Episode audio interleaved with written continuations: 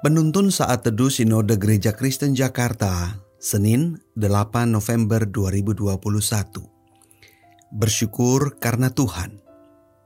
1 Tawarik 16 ayat 34. Bersyukurlah kepada Tuhan sebab ia baik, bahwasanya untuk selama-lamanya kasih setianya.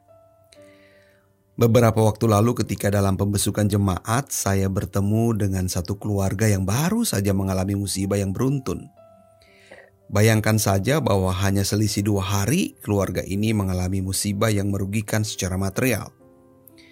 Namun dari percakapan saya dengan si kepala keluarga, tak sedikit pun ada kalimat yang menyalahkan Tuhan. Tak tersirat pandangan bahwa Tuhan itu jahat kepada mereka.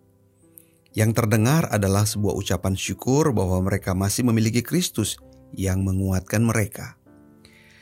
Firman Tuhan hari ini menunjukkan kepada kita bahwa Tuhan sangat mengasihi dan telah menyelamatkan kita.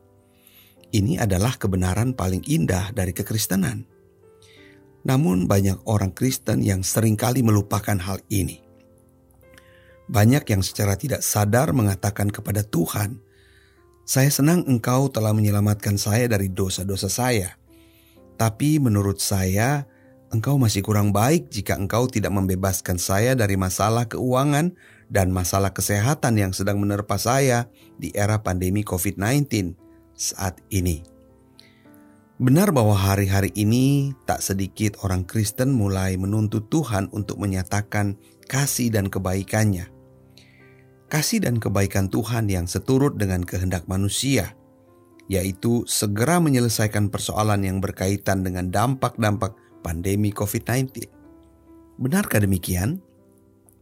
Saudaraku, jika kita terus memiliki pemikiran seperti ini, maka kita tidak akan pernah sungguh-sungguh bersyukur di dalam hidup ini.